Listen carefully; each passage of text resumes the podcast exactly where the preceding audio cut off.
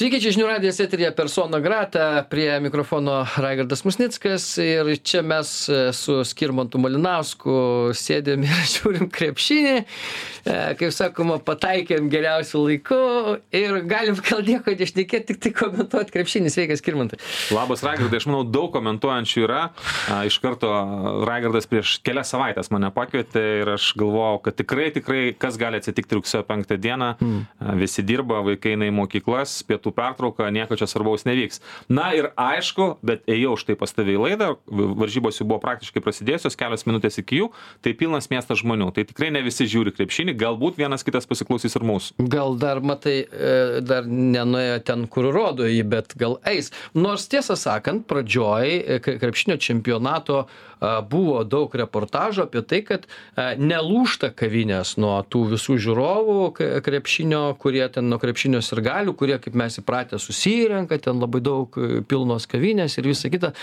Tai vat, įdomu, ar čia pats vat, jauti, e, pats prieš krepšinio čempionatą, kol ne, nebuvo pergalės prieš Junktinės valstijas, ar tas dėmesys krepšiniui nu, nu, nuslovęs ar ne, kaip tu galvoji?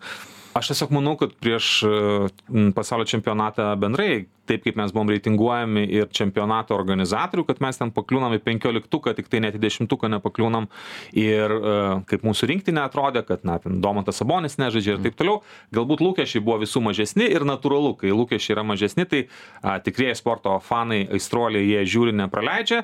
Na, o tie žmonės, kurie galbūt yra šiek tiek toliau nuo krepšinio, na, nebūtinai tai labai daug laiko sudeda. Bet be jokios abejonės, kai tu esi ketvirtfinaliai ir tu gali pakovoti, jeigu laimėsi prieš serbus ar ne dėl arba dėl bronzos, arba netgi dėl aukso, vėlgi kaip susiklostytų pusfinaliai, kai kitoje pusėje yra Latvija, kas irgi yra netikėta, kai tu ką tik tai įveikiai Junktinės Amerikos valstijas, be abejo, emocijos yra visai kitos, lūkesčiai yra visai kiti, tikiu, kad dabar tikrai labai daug žmonių žiūri, serga, vat mes irgi žiūrime į lygią kovą, ką tik tai pirmavo Lietuva, dabar išsiveržia į priekį serbai, lengva tikrai nebus, neteina jie kaip amerikiečiai mus žiūrėti kaip į lengvą grobį, iš tikrųjų nervų karas, tai aišku, to tokios varžybos jos ilgam įsimena ir tikrai e, galima tik tai palinkėti, kad laimėtume. Bet, e, matai, aš tai nesu joks krepšinio specialistas, toli gražu ir, ir, ir, ir neslepiu to, nes ne visą laiką man pavyksta e, pri, prišokti iki rungtinių.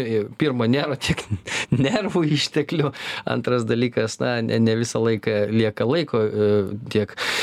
Bet aš kaip suprantu, jeigu mes prapilsim serbams šiandien, tai mūsų kelionė čempionate pasaulio pasibaigia, ar kaip čia yra vis dėlto? Na taip, tai yra ketvirtfinalis, tai be jokios abejonės mes esame aštuntukė stipriausių komandų, o toliau kovoja keturios stipriausios, kovoja dėl medalių, mm. keturios, mm. keturios likusios medalių tikrai negaus. Na, čia yra daug svarbių dalykų, mes galime pakliūti į gauti kelialapį į olimpiadą, berods dviem stipriausiam Europos komandom yra suteikiama iš karto be atrankos galimybė žaisti, bet aš nebejoju, kad visi, aš irgi nesu didelis labai specialistas, bijau suklysti ir nebejoju, kad visi, kas dabar žiūri krepšinį, jie visą tai puikiausiai žino, o jeigu klauso mūsų įrašę, tai aš garantuoju, kad jie galvoja jau arba valio mes esame ketvirtfinalį, arba po Vilnių nepasisekė, serbai laimėjo, tai aš galvoju, reikia apie krepšinį kalbėti mažiau, nes nebus nei aktualu, nei aš būsiu labai labai kompetitingas.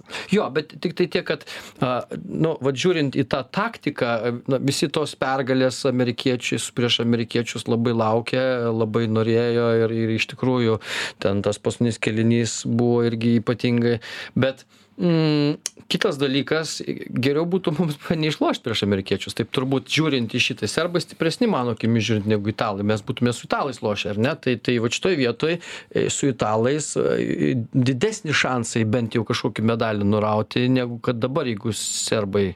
Galbūt, bet vėl visa pasaulio čempionatų, olimpiados, Europos čempionatų patirtis rodo, kad kai tu pradedi tokiu būdu rinktis varžovus, mm. tai be jokios abejonės gali labai stipriai paslysti. Aš atsimenu, kažkada Rusai taip Lietuva labai rinkosi, norėdami mus ten sutriuškinti ir mes juos pervažiavom. Tai šiuo atveju kalbėti apie tai, kad e, praleiskim progą įveikti JAF rinktinę tam, kad su italais sužaistume, aišku, vargu bau. Ir kitas dalykas, e, na, italai irgi yra labai stiprus, tai šiuo atveju serbai turi savo problemų, tik tai tiek, kad ketvirtfinalyje turbūt, kur be pažiūrėtum, jau nebėra lengvų varžovų.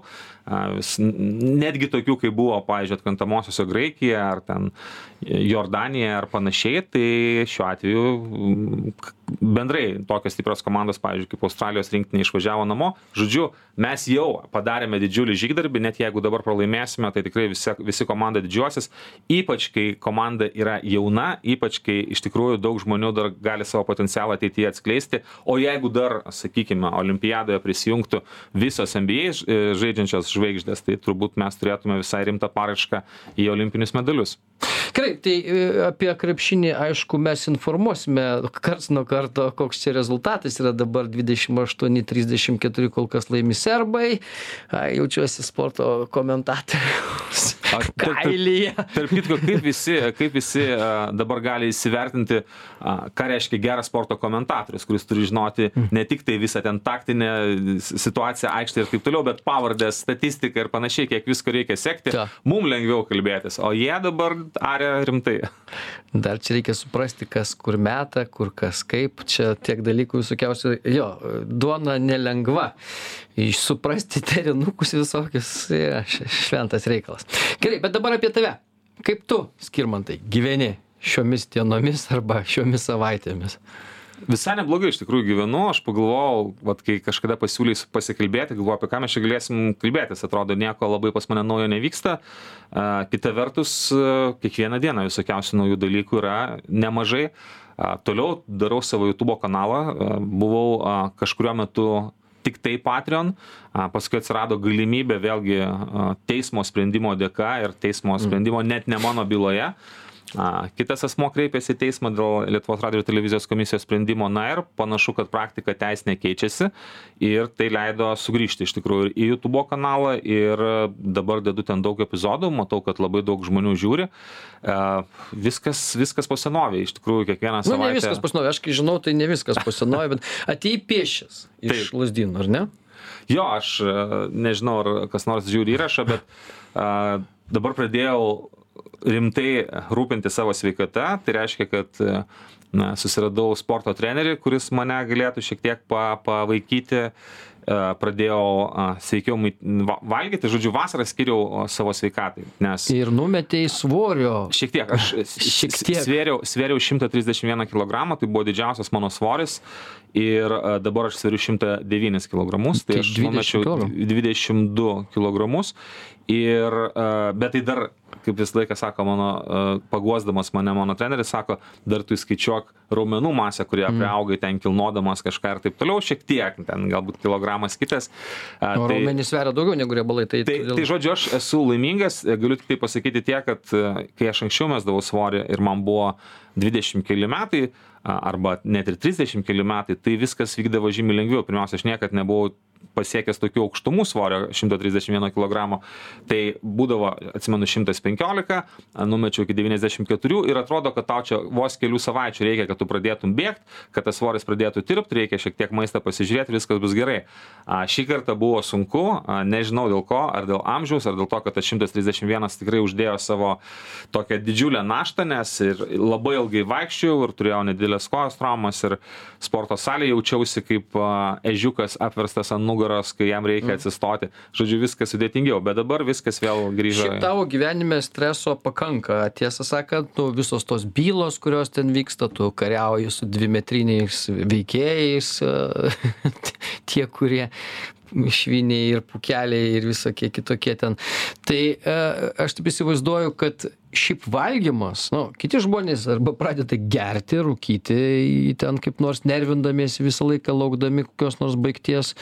A tau yra yra noras valgyti pavyzdžiui nes nu tu nesi nei gėrikas nei nei rūkorius kiek aš žinau ten aš aš žiūriu va dabar a serbija trisdešim šeši trisdešim ir iš karto čipsų ranka tiesiasi. Bet žinai kas man buvo pačiam atradimas? Aišku tai yra banalūs dalykai bet a mano aš sakiau iš karto kai pradėjau sportuoti aišku to streso pas mane daug mm. aš tikiuosi kad pas mano oponentus streso dar daugiau kai jie ten pralaiminėja ir ir ir taip toliau ir kai sužino visuomenė apie juos tiesą bet man labiau buvo svarbu tai kad treneris sako žiūrėk aš tau turiu taisyklę vieną ką tu gali valgyt sako valgyk tai kas yra žalia ir kas turi akis nu tai žuvis ten kokia nors mm, paukščiai, gyvūnai ir taip toliau turi akis. Žalia tai yra, nu, daržovės visokios, ten vaisiai kažkokie augantis, dar kažkas, visokių perdirbtų dalykų atsisakyti.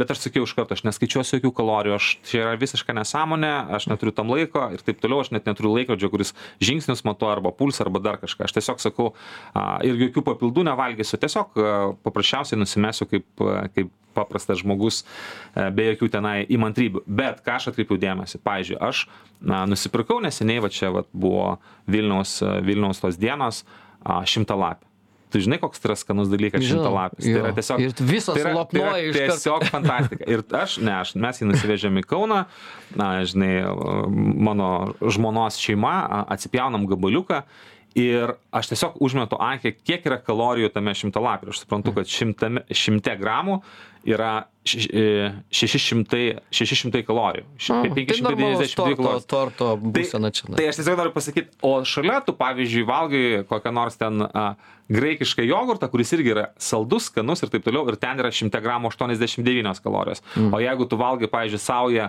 vyšnių, ten yra 50 kilokalorijų. Ir tu tada supranti, kad kilogramas vyšnių, kilogramas vyšnių, ar ne, arba kilogramas ananaso, arba kilogramas ten kokiu nors panašių vaisių yra tiek pat, kiek tas mažiukas gabaliukas, kurį tu trim kasniais suvalgai šimtą lapę. Tai va tada tu pradedi mąstyti, kad šiaip tikrai būtų galima, jeigu va, tuos dalykus žiūrėtum nuo pat pradžių, nuo jaunystės ir taip toliau, tai būtų galima tikrai tokių svorio uh, šuolių į viršų išvengti.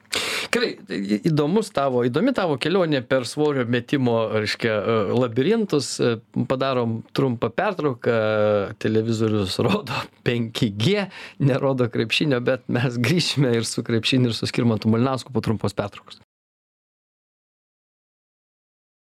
Tęsiame e, persona grata ir skirmantas malinauskas vlogeris e, turbūt žymiausias lietuvos ir politikos apžvalgininkas šiandien pas mus laidoje. Mes taip užtaikėme su juo šiandien kad e, na žiūrime krepšinio rungtynes ir aptarinėjame šiek tiek tai kas vyksta su serbais o vyksta nelabai geri dalykai. Aišku tenka nuliūdinti nes trisdešim trys keturiasdešim vienas serbų naudai ir toks atotrūkis a nelabai linksmas nu ką darysi kaip sakoma iš tikrųjų vis tiek mes esam krepšinio šalis. Aš tai nė kiek neabejoju kad dar viskas prieš akis dabar mes kalbėjome apie tai kad lietuviai anksčiau žaisdavo labai gerai pradžią sunkiau pabaigą.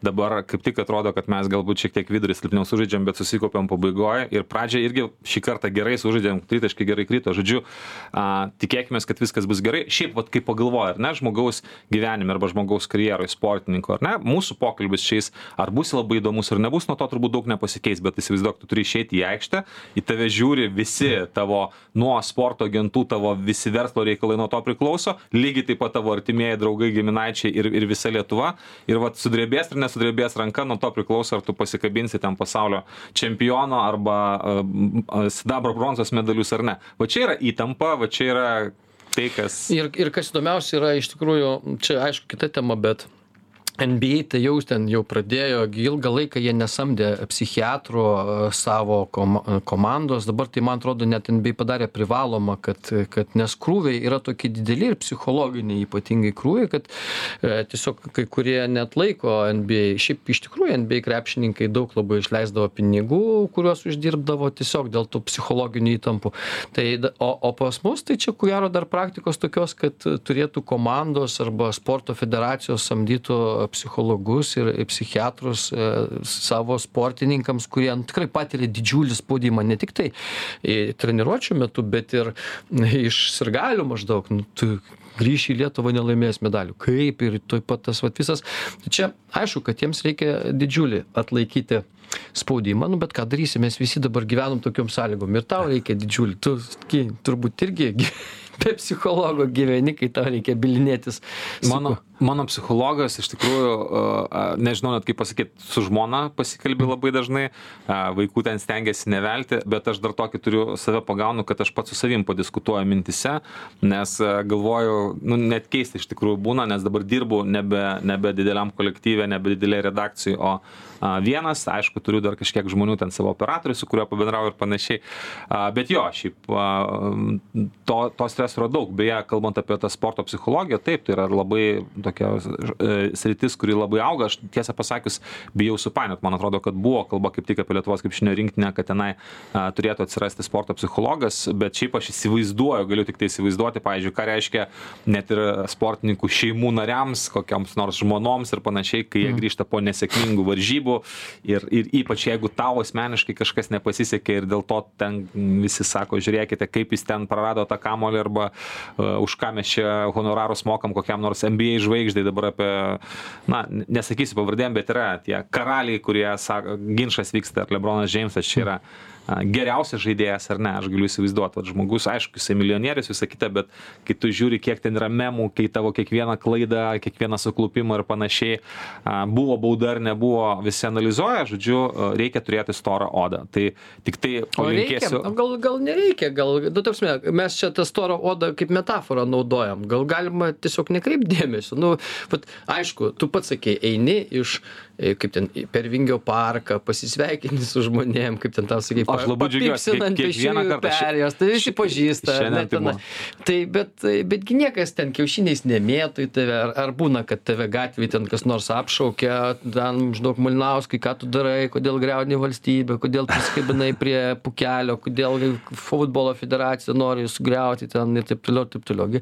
Taip nebūna, bet būna uh, kiti dalykai, kurie mane šiek tiek uh, priverčia įsitempt, pavyzdžiui, pavyzdžiui kai tu matai jeigu žmogus yra neblaivus tu kažkur eini ir mm. jis eina vos ne ten tave apsikabint ar kažką ir tu nesupranti iš tikrųjų kaip jis čia nusiteikęs tokių niuansų yra. Bet aš kažkaip ir į tuos žmones kurie labai geranoriškai ir į tuos žmones kurie galbūt pikčiau prie manęs prieina na visą laiką stengiuosi diplomatiškai per daug jau ten nenueiti į glėbesčiavimus linkteliu padėkoju nusišypsau ir panašiai bet agresyvių yra tokių kurie vat ne nepritaria tavo veiklai kažkaip be jokios abejonės tai tas yra ir, ir socialiniuose tinkluose ir ir, ir gyvenime. Tai galų nu, gale yra daug, tinklai, tai yra daug žmonių, kurie a, yra bet kuriuo atveju vienaip ar kitaip mano epizodų paliesti. Na, pavyzdžiui, dabar aš dariau keletą epizodų apie didelę, didelę tokią kompaniją, kuri užsiema, žodžiu, hmm. investicinio gyvybės draudimo platinimu. Ir ten yra šimtai žmonių, kurie yra konsultantai, agentai dirbantis su individualia veikla ir dar yra tūkstančiai žmonių, kurie vienaip ar kitaip susidūrė.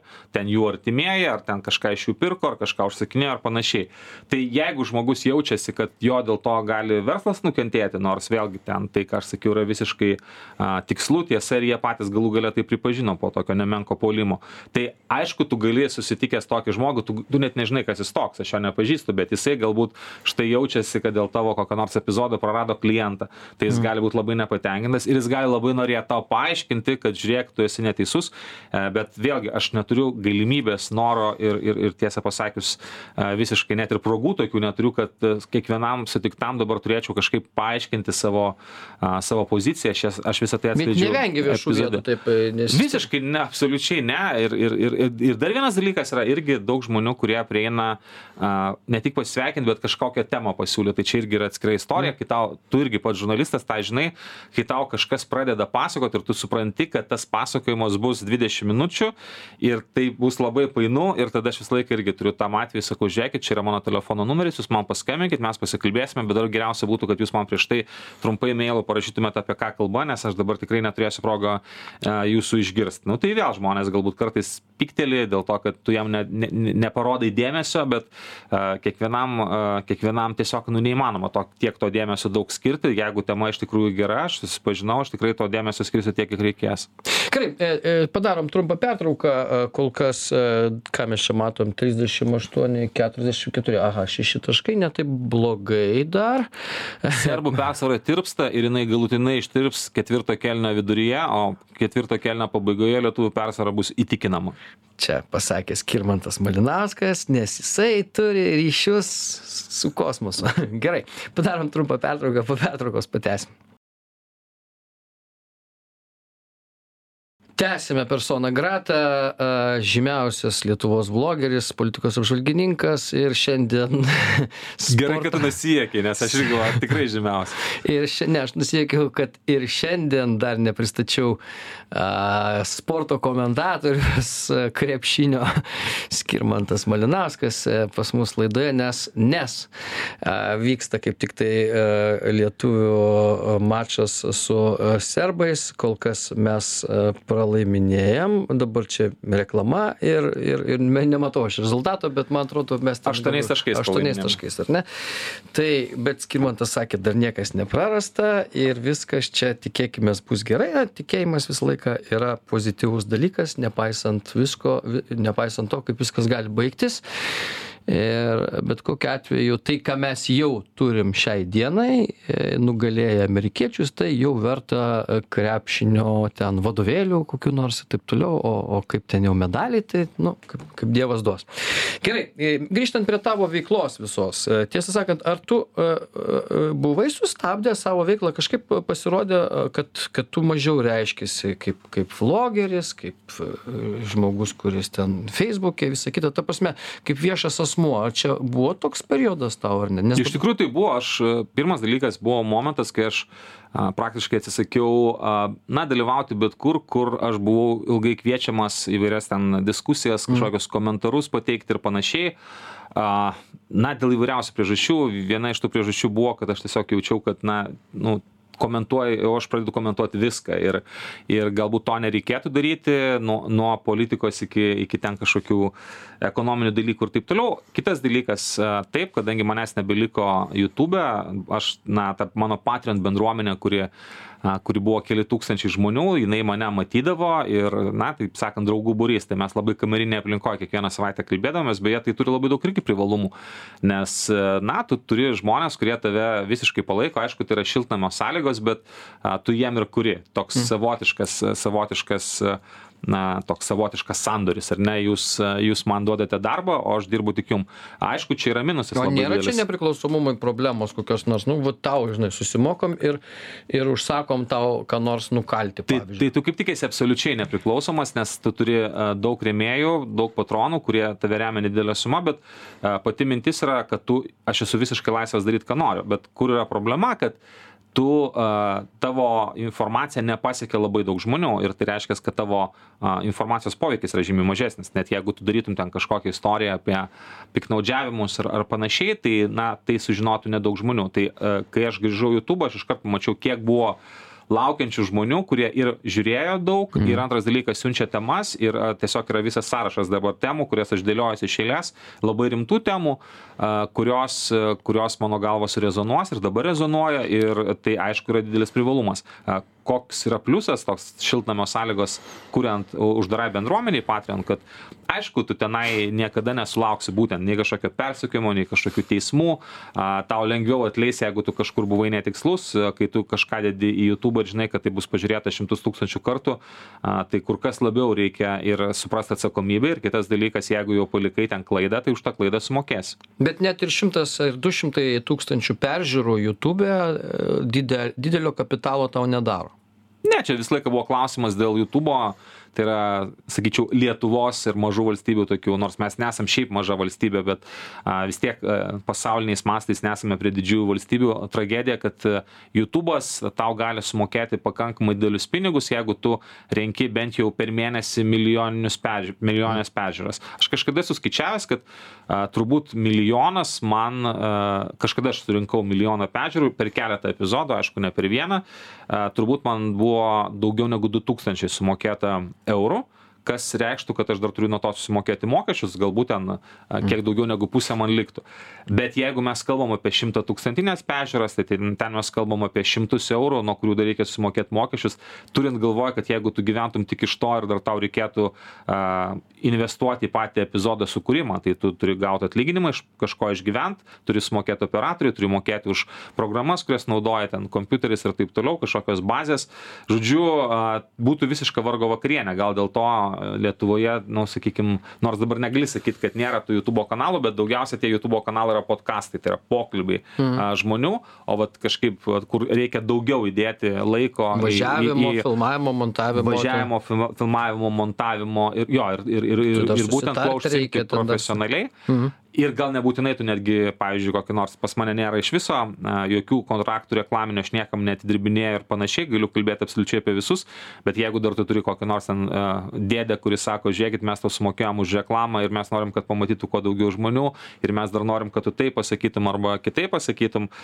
Jo tai tada viskas tampa šiek tiek mano akimis liūdna. Tai aš manau kad čia viena iš priežasčių dėl ko taip yra kad jutubas daug nemoka. Jisai galbūt galėtų na bet aišku jam turbūt verslas neleidžia mažesnėse valstybėse šiek tiek mažesnius reikalavimus kelti auditorijos dydžiui nes pavyzdžiui surinkti amerikoje anglakalbės auditorijos šimtą tūkstančių ir lietuvoje lietuviškai kalbančios auditorijos šimtą tūkstančių aišku yra visiškai ne tas pats. Nu bet aišku ten ir pasiūla kita yra Konkurencija ko- konkurencija ir kas tik ko nori ten atsirinkti turbūt.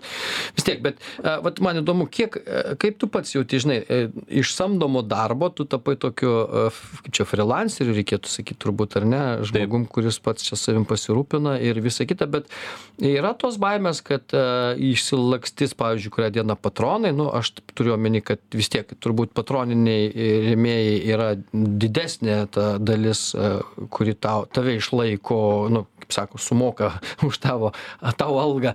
Tai e, vat nu vienąkart g- ar tapsi neaktualus arba išsisems temos arba nu tiesiog atsibos arba kitas kitas atsiras dievukas koks nors reiškia. Tai- kiek kiek čia to yra? Tai aš, pirmas dalykas, aš turėjau laikmetį kažkada prieš dviejus metus, kai a, aš turėjau daugiau negu beveik 8 tūkstančius patronų vienu metu ir mano pajamos buvo 27 tūkstančiai. Tai nereiškia, kad aš jas gaudavau, tai reiškia, kad ten dalį pasilieka Patreon, susimoki mokesčius ir taip toliau. Buvo vėl ten prasidėjo karas Ukrainoje, buvo daug labai išlaidų, o mane pasiekdavo, plus buvo didžiulė komanda, dešimties žmonių, bet finalas buvo toks, tai buvo auksinis laikas ir man tuo metu atrodė, kad nu kas čia gali pasikeisti, viskas tik didės ir auks. Mm. Ir, tai viskas pasikeitė absoliučiai, nes dabar aš turbūt neturiu, net neturbūt, o tikrai neturiu netgi 2000 patronų, man atrodo, turiu mažiau ir mano visiškai viskas pasikeitė. Tai yra iš o Patreon. kodėl čia taip nutiko tai Dėl to, kad e, egzistuoja, nu, o klausimas, pavyzdžiui, mes patys, e, kokius mes YouTube kanalus žiūrim, kaip mes naudojam informaciją.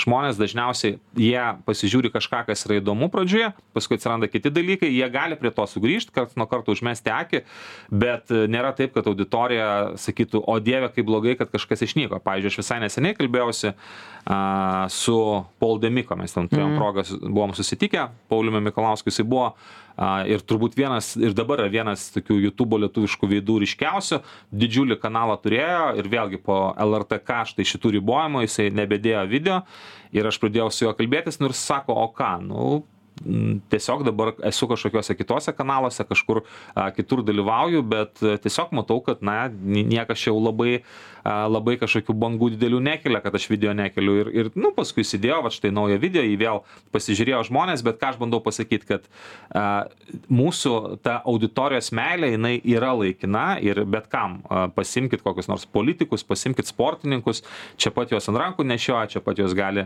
peikti, mm. tai gali būti tas pats su žurnalistais ir panašiai. Tai aišku, a, ką aš noriu pasakyti, rizikos dirbant savarankiškai yra neįtikėtinai didelės. Tai yra tavo klientai gali vienu metu tave ant rankos nešioti, ant rankų nešioti, ten nežinau, pavyzdžiui, kokiam dirbant autoservize ar ne, o paskui gali ateiti kažkoks blogas metas, galbūt kažkoks konfliktas su kokiu nors klientu, galbūt, nežinau, ten tu ranką susilaužysi ir paskui tau teks pa pauzę padaryti ir tu pamatysi, kaip visi išsiskirstys, išsivaikščios, tu liksi vienas ir tau reikės visą tai apmokėti iš savo kišenės, visokias išlaidas ir taip toliau. Aš taip dramatizuoju, bet kiekvienas, kas dirba savarankiškai, galų galę net aš manau ir didesni verslininkai, jie turi tą baimę ir jie turi tą suvokimą, kad kai tu esi samdomam darbe, kažkas tavo nugarą vis dėlto saugo ir tu žinai, kad įstatymai tau tam tikras garantijas suteikia. Nu. Kai tu esi vienas, tu supranti, kad nuo tavęs priklauso žmonės, o tu pats e, nelabai turėjai ką atsiremti. nu aišku dar čia e, gobšumo elementai veikia ten sakykim verslininkus nes e, jie žinai samdomam darbe tai ką gavai tas tavo yra o verslininkai jie gi ką gavo tą vėl investavo dar pasiskolino krūvą pinigų e, ir dažnai skolos viršija iš esmės tai kas ten e, apskritai verslo vertę kartais e, ten sakai o žiūrėk čia tavo kapitalas ten keli šimtai milijonų sako bet dar daugiau milijonų yra skolos bankui ir taip toliau dėl to kad na žmonės visą laiką plečia savo verslą ir visą laiką rizikuoja. Tai tai kartais na tas irgi varo į neviltį gali būt kad nu niekad nėra nėra pabaigos nėra saiko to jausmo. Jeigu reikėtų taip trumpai sakyt aš sakyčiau kad turbūt dalykas kurį aš atradau pats žiūrint į į į į verslą bendrai ne visiškai nesvarbu koks tas verslas būtų a tai yra a m pinigai tai yra iš esmės rizikos paskaičiuotos rizikos rezultatas. Jeigu tu praktiškai nerizikuoji tavo rizikai tavo pinigai bus visą laiką labai labai maži. To to nejauti visiškai kai dirbi dirbi samdomą darbą bet kas yra verslas vat kas yra įmonės kurios greitai išauga pasinaudoja tam tikrais pokyčiais situacijos ir panašiai. Tai kai tu rizikuoji būtent ten imi mhm. paskolas jas investuoji ten plėtiesi ir taip toliau tu turi šansą iš tikrųjų uždirbti daugiau dabar kiek tos rizikos kas gali toleruoti labai daug labai labai daug čia galima būtų apie tai diskutuoti. Bet vėlgi aš pavyzdžiui pats nesu žmogus kuris labai linkęs rizikuoti bet lygiai taip pat aš nesu žmogus kuris linkęs sakykim taip manyti kad man kažkas kažką yra skolingas ir man atneš ir paduos. Tai šitoj vietoj kai pavyzdžiui patronai pradėjo išeidinėti ir iš tikrųjų mano situacija visiškai pasikeitė nei vieną akimirką aš savim nesuabejojau galvodamas kad aš kažką darau blogai. Aš visą laiką sau sakydavau aš puikiai puikiai suprantu kodėl tai vyksta. A tiesiog man reikia suprast kad na taip ir bus galbūt galbūt kažkada situacija pasikeis. A aš darau tai kas man patinka kai jau aš nebegalėsiu to daryti tiesiog ateis laikas kažką keist. Ir tai labai stipriai nuramina ir ir nėra tokio didelio tai streso. čia įdomus dalykas yra kad na turbūt nedaug kas žino bet aš tai žinau kad tu investuoji biržose. Dabar kaip čia kaip čia reikėtų sakyt žaidi biržoje su pinigais ar kaip? Na taip aš kažkuriuo metu vėlgi darydamas nemažai epizodų apie įvairiausius sukčius tai buvo ir kriptovaliutos tai buvo epizodai susiję su visa įvairiausiais finansiniais patarimais ir panašiai. Aš tiesiog pradėjau suprast kad a man pačiam šita sritis yra įdomi ne tiktai dekonstruoti tai kas yra tiesiog žmonių klaidinimas ir ir ir pinigų viliojimas bet aš pamačiau kad iš tikrųjų čia galima galima taip pat dirbti ir pavyzdžiui jeigu taip žiūrėt į mano situaciją Mhm. tai yra labai sudėtinga įsivaizduoti darbą kur aš galėčiau išsaugoti savo laisvę nes į kur be aš ateičiau na į kokią nors pavyzdžiui žiniasklaidos priemonę reiškias jau aš apie ją nebegalėčiau apie jos savininkus jau turbūt nebegalėčiau kalbėti jinai turi savo kažkokią auditoriją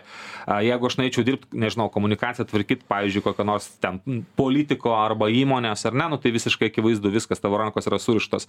Tai o pavyzdžiui jeigu tu kalbi apie tokį darbą ir aš kalbu apie tokį darbą kaip prekyba biržoje be jokios abejonės čia kiekvienas turi savo galvą savo smegenis kiekvienas turi savo kažkokį tai kapitalą kuriuo gali rizikuoti a sėda ir daro. Ir aš pradėjau nuo nedaug ir kol kas man viskas labai gerai sekasi ir aš ateityje tiesą sakant matau tai kaip galbūt net ir savo pagrindinę veiklą a nes nes tai iš tikrųjų yra na super didelė laisvė taip tu turi įdėti daug labai darbo bet tiesą pasakius niekas tau neateis niekas tau ne a atsakomybė yra visiškai pilnai tavo niekas tau nepasakys kad tu žiūrėk čia esi kažkur neteisus taip daryt nereikėtų a nežinau aš rėmimą tau nutrauksiu arba aš tau algos nemokėsiu. Šiuo atveju tai kad uždirbai tai tai ir turi.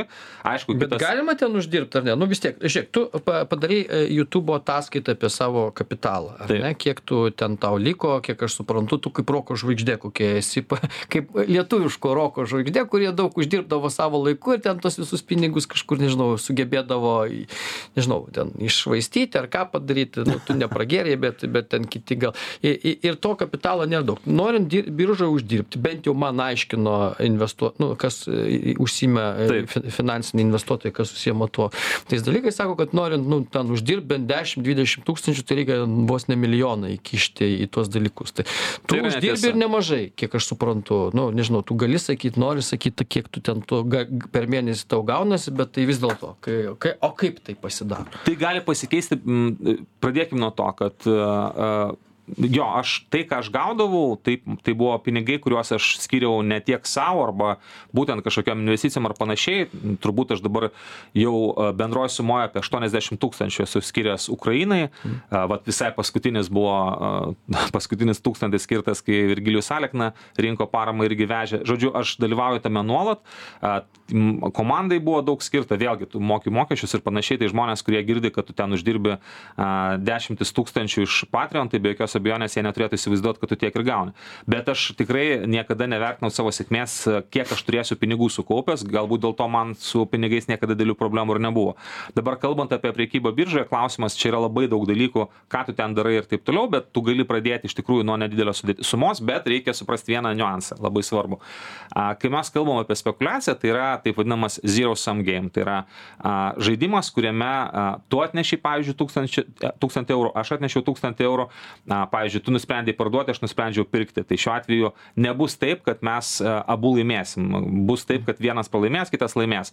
Iš esmės taip ir juda pinigai. Dėl to, kai žmonės ateina ir sako, kad žiūrėkite, galima uždirbti, galima uždirbti, bet galima žymiai daugiau šansų prarasti. Tai šiuo atveju statistika aiškiai rodo, kad yra saujelė ten žmonių, 50 procentų, kurie sugeba uždirbti, visi kiti greičiausiai tos pinigus tiesiog palaido, jeigu mes kalbam apie tai, kas yra day tradingas, vadinamas nu, dienos prekyba. Tu tau bus pagrindinė veikla, galbūt tai aš, kažkada tai, tai, aš, tai, vadinasi tau sekasi. Tai aš taip, tai aš vat, ir noriu pasakyti, kad kiekvienas save išbando ir pasižiūri, mm. bet kartais man tenka kalbėti su žmonėmis ir jie klausia, vat, galbūt verta pabandyti, jie man, į mano rezultatus pasižiūri, sako, tikrai, tikrai viskas neblogai atrodo, o kaip čia to tai pasisekė. Nu, aš sakau, pabandykim įsivaizduoti, vat, jeigu dabar būtų kažkoks, kažkokios dieviškos svarstyklės, ar ne, ant vienos pusės dedam, vat, aš atsisėdu, ant kitos pusės atsisėdi tu. Mes nieko ten ne, nesiginčiam ir taip toliau, bet iš karto parodo, kas iš mūsų yra labiau patyręs, protingesnis, šaltesnio proto ir taip toliau. Ir tas pasiema pinigus tai ar tu tikrai drąsiai atsisėstum prieš mane vat ant tų svarstyklių? Žmogus pamąsto tai vat ką aš bandau pasakyt birža yra ta vieta kur tokios svarstyklės egzistuoja. Čia nereikia daug kalbėt aš žinau žmones ir matau kad vyksta E, visiškai, e, na, tokie marazmatiniai patarimai dalinami, žmonės pardavinėja kursus, kurie yra visiškos nesąmonės. Aš pats esu ne vieną epizodą padaręs ir dar tikrai padarysiu, kaip žmonės prisidengia finansiniu švietimu, bet iš esmės dalina žalingus patarimus. Aš viso to neklausau, bet aš e, darau tuos dalykus, kuriuos labai gerai suprantu, kuriem jau skiriau visai nemažai savo laiko ir jie pasiteisina. Ir dar vienas dalykas, aš nepardavinėjau jokių kursų ir jeigu manęs, pavyzdžiui, klausia, o kaip tu tai darai, gal tu gali pamokyt, aš sakau, jūs turbūt juokaujat. Aš mm. skiriau tiek savo savo laiko. Galų gale aš skyriau ir savo pinigų kuriuos deginau ir deginau ir deginau. ir tam kad aš e, surasčiau dalykus kurie veikia. Mm. ir dabar ateiti jais pasidalinti su kažkuo kad jūs darykite lygiai tą patį aš einu ieškot naujų nišų. skirmantai visuomenininkas esi tu gi turi už dyką mus visus išmokyti kaip aš, kaip reiškia uždirbti už dyką galiu patarti ir, ir, ir už dyką ir ne už dyką galiu patarti kad e, niekada neikite ten kur jums atrodo kad jūs lengvai uždirbsite nes tokių mm. sričių paprasčiausiai nėra. O ten kur jūs e, jeigu matote kad savo srityje jūs negalite uždirbti pavyzdžiui yra labai turtingų neturtingų bet labai talentingų žmonių kurie nėra turtingi ar ne kurie dirba darbą kuris galbūt nėra labai mėgstamas ir ir jie mato kad iš tikrųjų na jų potencialas yra neišnaudojamas tai surizikuokite nebūtinai mesti darbą bet jūs galite šalia a padaryti kažką. Aš nekalbu būtinai apie biržą bet aš kalbu apie kažkokį hobį užsiimkit kažkokiais dalykais kurie galbūt ateityje jum pradės a nešti kažkokią naudą. Galų gale tas pats jutubo kanalas buvo kažkada hobis. Žmonės nesuri rizikuoja, sako, neturėsiu niekada mhm. laiko, čia yra nesąmonė, čia viskas yra vis, visur tik tai pinigus prarasiu ir taip toliau. Na, tai tokiu atveju niekur ir nepajuda iš mirties vietos. Bet yra kiti, kitas kraštutinumas, baigiant, kad yra žmonės, kurie sako, dabar jau, kai aš pradėsiu, išeinu iš darbo, parduodu automobilį, parduodu būtą, viską suinvestuosiu savo verslą ir būsiu milijonierius, tai jūs garantuotai būsite benamis po metų. Ta, gal nebūtinai, bet vis tiek tas klausimas dėl biržos man tiesiog įdomu, o šitą, e, tu sakai, kad tu darai e, medžiagas, reportažus, e, na, laidas apie tai, čia tas paskatino tave investuoti, ar, ar, ar kažkaip čia iš šalies atsirado vis dėlto, nes kiek laiko reikia mokytis, kad suprastum, kaip veikia birža ir, ir, ir kokie tie dalykai, kaip, kaip čia visi tie modeliai kūrėsi gerai aš labai trumpai galiu paaiškinti. Aš iš tikrųjų pasižiūrėjau pirmas dalykas mes turim suprasti kad yra skirtingos biržos ar ne? Yra a, akcijų birža yra valiutų birža yra tai kas angliškai vadinasi komoditis a, nafta a, dujos auksas sidabras ir taip toliau ir taip toliau ar ne? Yra kriptovaliutų birža čia galima būtų labai daug kalbėt. Dabar tai kas mane paskatino tuo pasidomėt tai yra iš tikrųjų matant kiek daug žmonių jau yra biržoje o ką tai reiškia? Tai reiškia kad yra labai daug žmonių kurie ateina labai lengvai atsisveikinti su savo pinigais. Ką tai reiškia? Tai reiškia kad kai ateina daug žmonių į biržą reiškias ten yra daug neprotingo nekvalifikuoto kapitalo kurie iš esmės daro savo sprendimus arba klausydami įvairiausių verslo trenerių ten jutubo kanalus pasižiūri ir taip toliau. Arba jie iš tikrųjų tiki kad jie žino bet nu man atrodo statistika rodo kad greičiausiai a jie pralaimės. Tai man buvo labai įdomu žinodamas kokios yra rizikos ar aš šitoj vietoj turėdamas savo patirtį savo smegenis ir kompetenciją ir taip toliau ar aš galėčiau na pradžioje išeiti bent jau į pliusą tiesiog pasižiūrėt nes jeigu tu viską sudegini tai nėra ir ką kalbėt daugiau. Tai iš pradžių aš deginau aš deginau aš deginau. Paskui po tam tikro laiko aš pradėjau išeidinėt į pliusą suvokdamas esmines klaidas kurias aš dariau pradėdamas suprasti kas yra teisinga rizikos koks yra teisingas rizikos valdymas suvokdamas kas tai yra kantrybė kai tu nedarai visko iš eilės ir taip toliau. Ir galų gale taip aš atėjau dabar į tą situaciją kai man iš esmės reikia nuspręsti nes nu ką man reikėtų dabar toliau daryt vat aš irgi su savo buhaltere kaip tik kalbėsiuos kad arba aš tada turėčiau lietuvoje taip yra tu turi registruoti vėl individualią veiklą tam kad tu galėtum profesionaliai užsiimti a prekyba vertybiniais popieriais ir panašiai nors ten man aiškino kad nebūtina tai daryt bet žodžiu reikėtų jau tuo užsiimt profesionaliai tai galbūt aš nuo kitų metų tą ir padarysiu. A kitas variantas yra nu jeigu taip atsitiks kad pavyzdžiui galbūt aš ir dabar klystu gali būt taip kad praeis dar metai mes susitiksim ir aš sakysiu aš nebeturiu nieko aš pasirodo buvau visiškai kvailas man buvo kažkokia gera banga atėjusi ir ir ir tiek žinių. Tai aš nežinau kaip bus bet o svajonė kokia tavo vat mes nebedaug laiko turim bet nu žiūrėk tu turi svajonę turėt daug pinigų ir kažką. Ne aš turiu svajonę turėti daug laisvės ir čia yra esminis dalykas ką tau gali duoti finansinė nepriklausomybė tai yra laisvė. Ir tai nėra geras automobilis ir tai nėra gražūs rūbai ir tai nėra geras butas bet tai yra pasirinkimas ko tu iš tikrųjų nori. laisvę daryti daugiau? Keliauti galėti galbūt iš tikrųjų kažkuriuo metu nedirbti ir ir ir skirti nu, tai kažkokius kas į dalykus. automobilius investuoja kas į keliones čia jau klausimas. Tai vat būtent netgi net jeigu tu nori iš tikrųjų nusipirkti pavyzdžiui geresnį automobilį ir jeigu tu turi tokią galimybę nu tai yra aš labai gerai. tokių kurie nusipirko automobilį juose gyvena tai vat būtent. tai čia yra tai, Ferrariuose tai vat aš ką. Už tai už tai tai va čia ir yra esminis dalykas kad aš pats pažįstu labai daug žmonių kuriem pinigai yra geras butas kurią už kurį reikia sumokėti paskolą naujas Nu, automobilis kuo jausmas stogas virš galvos Taip, saugumo bet tu- jausmas bet tu nusi- laisvė bet tu nusipirki ne laisvę o akmenį po kaklu kuris tave tempia žemyn žemyn žemyn dėl to kad tu moki paskolas jeigu tau kažkas atsitiks ir taip toliau. Bet vos tiktai tu išeini į tam tikrą lygį kai tu jau turi a pinigus kurie tau leidžia šiek tiek lengviau atsikvėpti ten nežinau išsimoki paskolas ir ir taip toliau galbūt antrą butą nusiperki ir jį pradedi nuomoti tu visiškai kitaip pradedi jaustis. Tu jau sie jau jautiesi tiesiog saugesnis. Linkiu tau šiaip šitoj šaly man atrodo ten saugumo tau užteks mes pasistengsim kad aš aš tikiuosi raigardai jau jeigu kažkas atsitiktų tai aš tikiuosi kad laida tam skirs jo mes pasistengsim kad tavęs saug, saugumas ne, neįtrauktų į sąrašus ir visi kiti ne, neliestų. O šiaip tai aišku, turbūt visų žmonių svajonė yra jaustis kiek galima saugiau, bent jau, kad nebūtų nu, už nugaros durnas viršininkas koks nors ir, ir, ir dar du, durnesni jo liepimai kokie nors ir dėl to reikėtų kentėti ir gadinti sveikatą. Čia tik patikslinsiu, kad mes su Raigardu visą laiką turėjom tik pačius geriausius viršininkus. Jeigu jie dabar girdi, tai jie buvo visą laiką nuostabų, šiandien mes apie kitus viršininkus kalbam. Gerai, o kol kas, o kol kas minus 14, sako Vaidas. Auč. Tai Jo, minus 14 tai jau yra šis tas, kaip sakoma, mes kol kas pralašinėjom, nu, nežinau, su ta nuotaika, e, kol kas, sakykime taip, baigėme su Skirmantu Malinausku, krepšinis vyksta toliau ir, ir taip toliau. Ačiū Skirmantai, kad Ačiū, atėjai Raigardai. ir atėjai tokią dieną, kai, kai iš tikrųjų reikia pagalbos ir pakomentuoti. Paverksiu tau ant pėties, kai baigsis varžybos. Dėkui visiems, tai buvo persona gratas, Skirmantas Malinauskas, iki kitų kartų.